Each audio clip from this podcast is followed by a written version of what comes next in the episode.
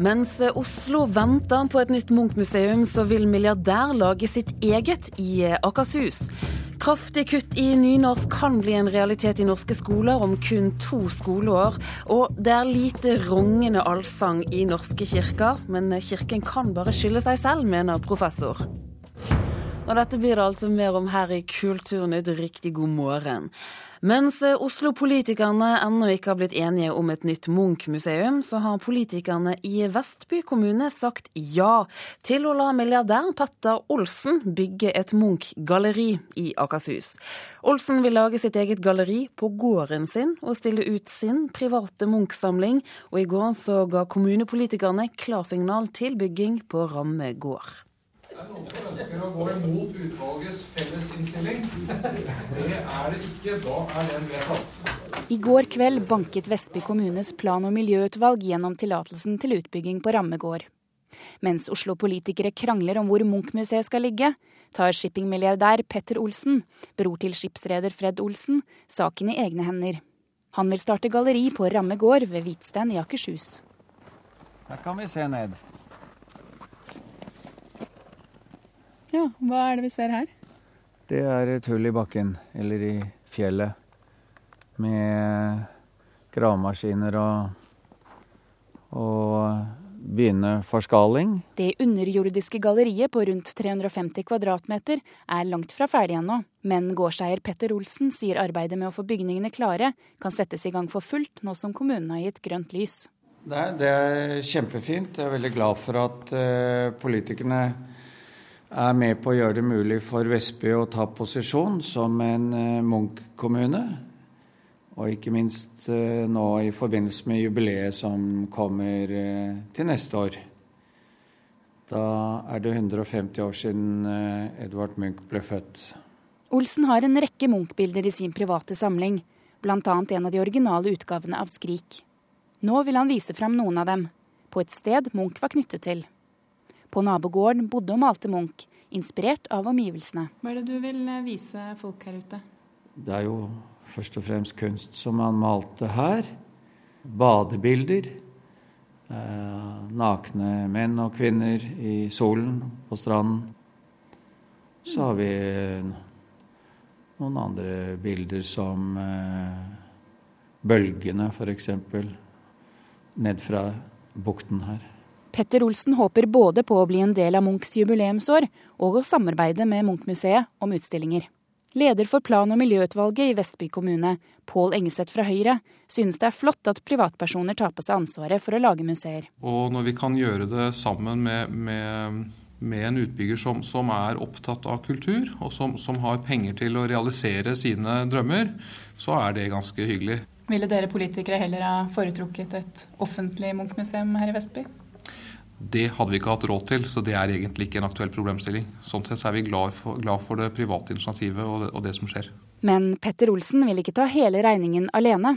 Om det offentlige ikke bidrar med penger, er det slett ikke sikkert at folk flest får se bildene som er i hans private samling. Vi betaler bygningen, men uh, hvis det er interesse for uh, at dette skal bli offentlig tilgjengelig, så hadde det vært uh, veldig positivt om det offentlige kunne sett seg interessert i å stå for utstillingen. Hvis de ikke vil betale noe, da? Kommer dere til å lage Munch-utstilling her uansett? Det får vi se. Jeg tror eh, kanskje ikke det. Det sa Petter Olsen, milliardæren som eier både en samling Munch-bilder og Rammegård i Akershus. Reporteren det var Ida Kvittingen. Agnes Moxnes, du er kulturkommentator her i NRK. Dette kravet om offentlige penger til et eventuelt Munch-galleri, hva er det Petter Olsen mener med det egentlig? Altså, Petter Olsen har jo bygget opp en helt spesiell gård, denne Rammegård, som ligger mellom Drøbak og, og Moss i, i Oslofjorden. Eh, det er et, allerede et slags eh, kultursenter, må man vel si, med liksom en helt eventyrlig og temmelig unorsk hage. Han driver egen Shakespeare-festival, økologisk jordbruk, og nå skal han altså lage Munch-museum. Så det er et attraktivt sted, og det kommer til å bli enda mer attraktivt. Så han vet nok det Petter Olsen at eh, selv om han har flust med penger, så er det å drive et sånt eh, eh, galleri Det koster penger, og han vet at kommuner rundt omkring i landet bruker flust med, med kroner for å bygge kulturhus. Så her legger han nok et mildt press på kommunen for at kommunen, som han sier her, skal bli mer attraktiv, skal bli en Munch-kommune. Så, så her er det nok liksom et ønske om gjensidige ytelser, tenker jeg. Hva slags Munch-samling er det han sitter på? Han sitter visstnok på 38 bilder. De er jo et resultat, Denne samlingen er jo et resultat av en arvetvist som gikk i norske rettssaler i 2001, hvor han og storebroren Fred eh, kjempet om den store familiesamlingen med, med Munch-malerier. Det var eh, Petter som vant den eh, kampen der, og han sitter da bl.a. på 20 malerier, bl.a. en pastellversjon av Skrik og et eksemplar av Livsfrisens Livets dans. Så det er fantastiske bilder han, han har i sitt eie. Og, og det du, man kan si, da, er jo at med at man nå får et museum eller et galleri i, Hvitsten med også offentlige penger involvert, så kan jo det være med også på å sikre at disse bildene blir i Norge.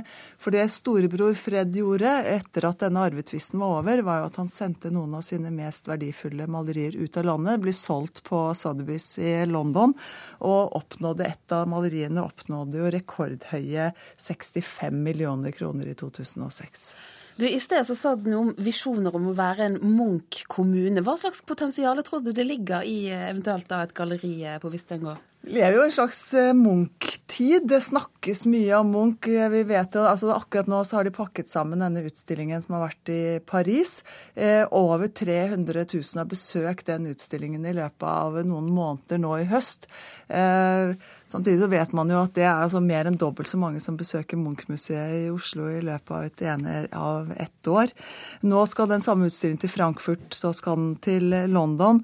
Eh, samtidig så har jo denne kranglingen som har vært om Lambda og et nytt Munch-museum i Bjørvika i Oslo også vært med på å øke interessen for, for Munch. Og når man samtidig da vet at her har Munch, altså Ramme nede ved sjøen på Rammegård, ligger det et hvitt, nydelig hus. Der bodde Edvard Munch. Der malte han Eh, sånn at eh, det er jo, det er jo som du sier, at, det, at man kan gjøre Vestby til en Munch-kommune. Så det vil også gjøre det være et attraktivt, eller noe som er en attraksjon, da. Helt kort til slutt. Eh, snakket om å åpne i 2013. Er det realistisk? Jeg hørte jo her at hullet i bakken var gjort om, og de holder på, gravemaskinene er på plass. Så 2013 er realistisk. Jeg vil tro at de legger, opp, de legger an til en åpning 12.12.2013. Da er det akkurat 150 år siden Edvard Munch ble født. Og det var meningen at Lambda også skulle åpne da, men eh, det kommer jo ikke til å skje. Kjenner den historien. Agnes Moxnes, takk for at du var med oss her i Kulturnytt.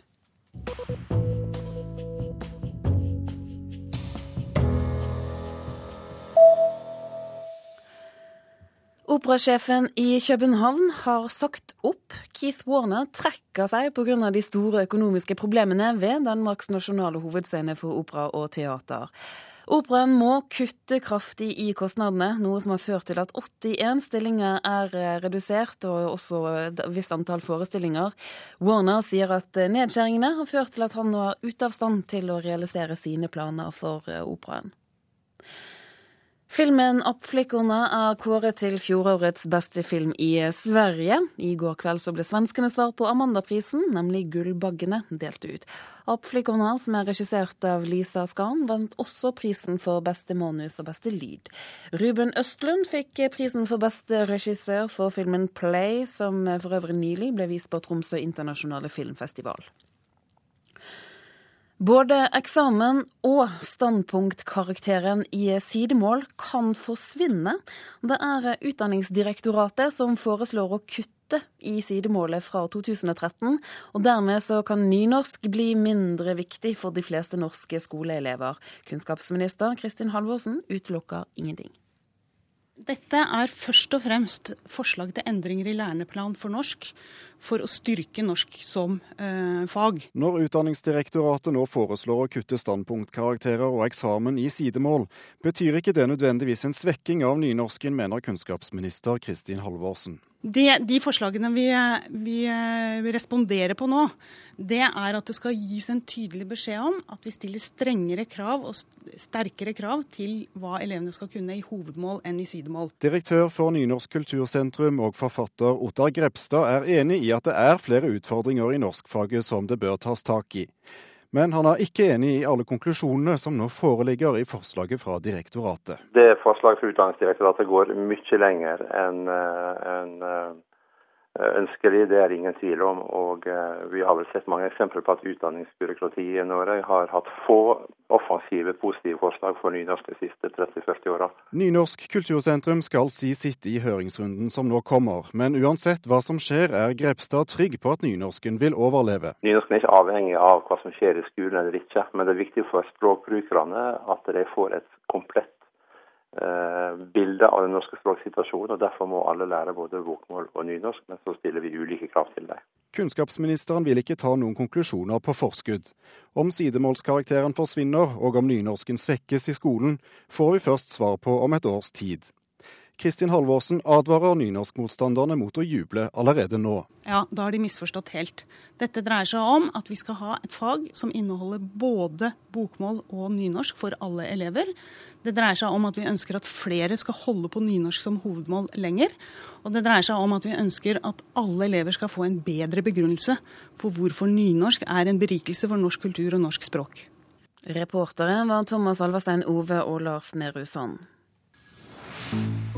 Du lytter til Nyhetsmorgen i NRK P2 og Alltid nyheter. Klokken har passert 8.16. Hovedsak i dag. Nynorskundervisningen kan bli svekket dersom karakterene forsvinner. Jeg mener tidligere leder i Norsk Målungdom. Verden må følge opp den positive utviklingen i Myanmar. Det sier utenriksminister Jonas Gahr Støre. Og bli med oss videre her i Kulturnytt. Det påstås at gutter er voldelige i en ny teaterversjon av 'Fluenes herre'. Først nå. Mange synger ikke med i kirken, og det er kirken sin egen feil, mener musikkprofessor og forfatter Jon Roar Bjørkvold. Han sier at bruk av nykomponerte salmer gjør at folk føler seg ekskludert fra sangen.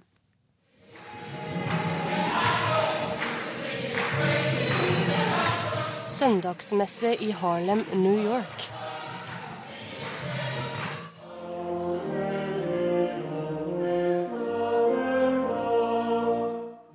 Søndagsmesse i en kirke i Norge.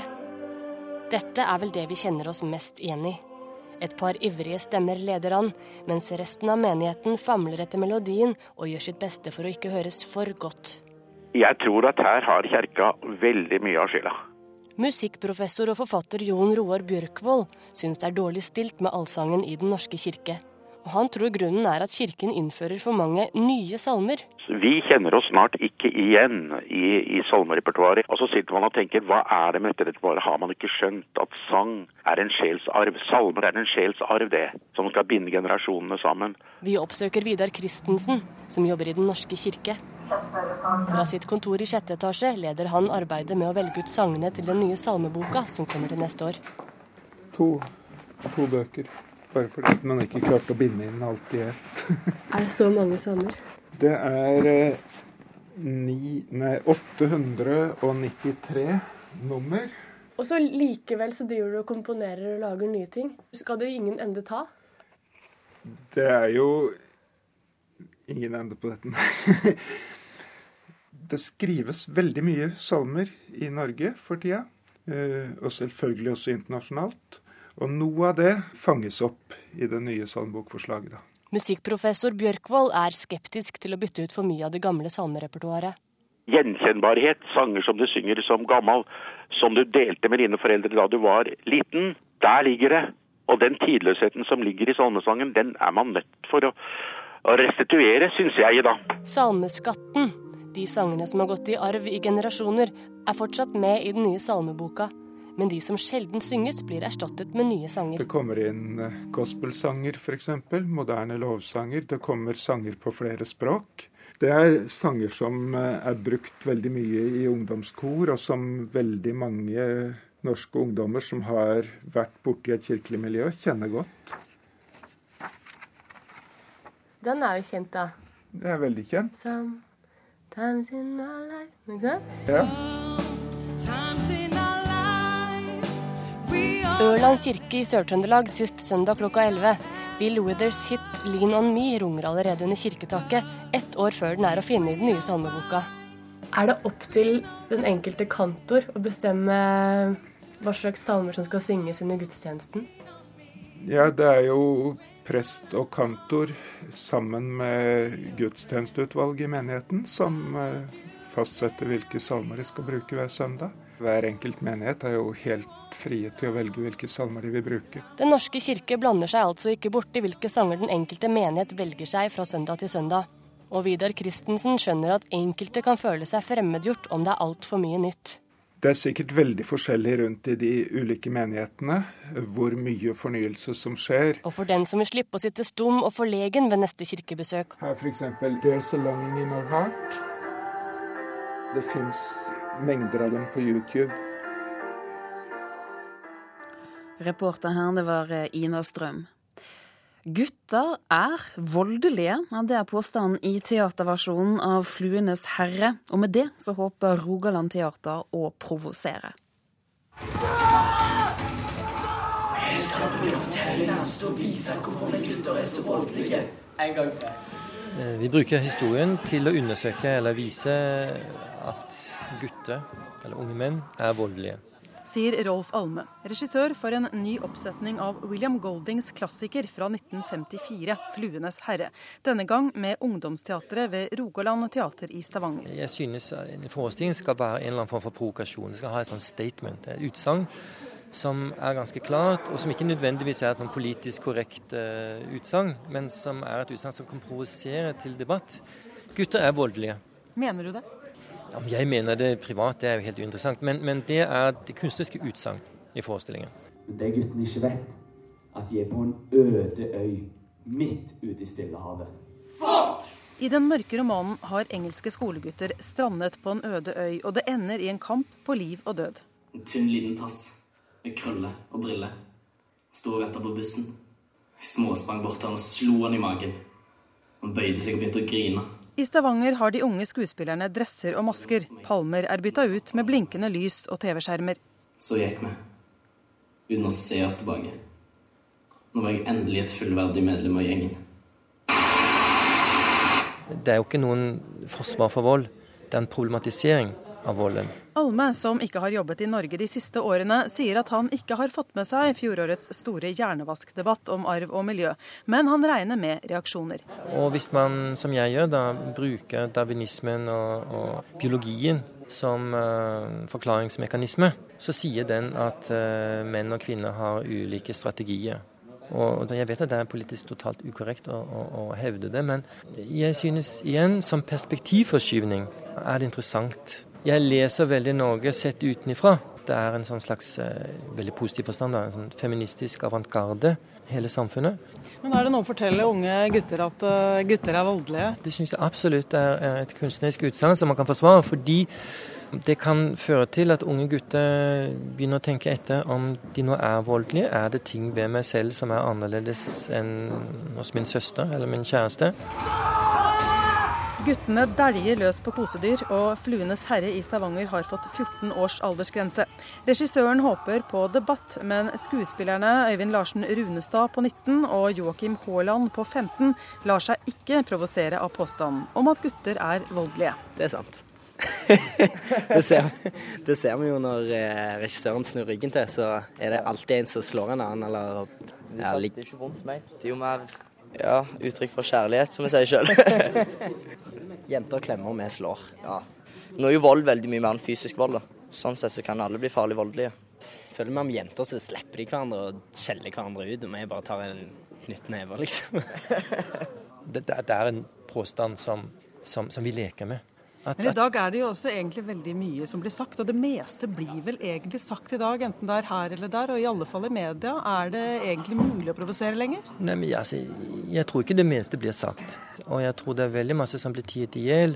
Kunstners oppgave bør i hvert fall være å si noe annet enn det man kan se og lese og si selv hver eneste dag.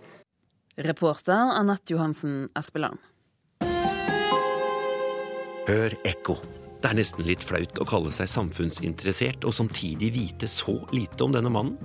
Jeg trodde han stort sett sysla med eventyr for barn. Men det var han som presenterte Norge for Darwin. Han kledde av både kvinner og prester i sine erotiske eventyr. Han var ekspert på alt fra graut til barkebiller og marinbiologi. Ekko 9 11 i NRK P2. NRK P2 er kanalen du lytter til nå, eventuelt eh, Alltid nyheter, og her fortsetter straks nå Nyhetsmorgen. Men eh, Kulturnytt-delen av det hele, den er eh, over.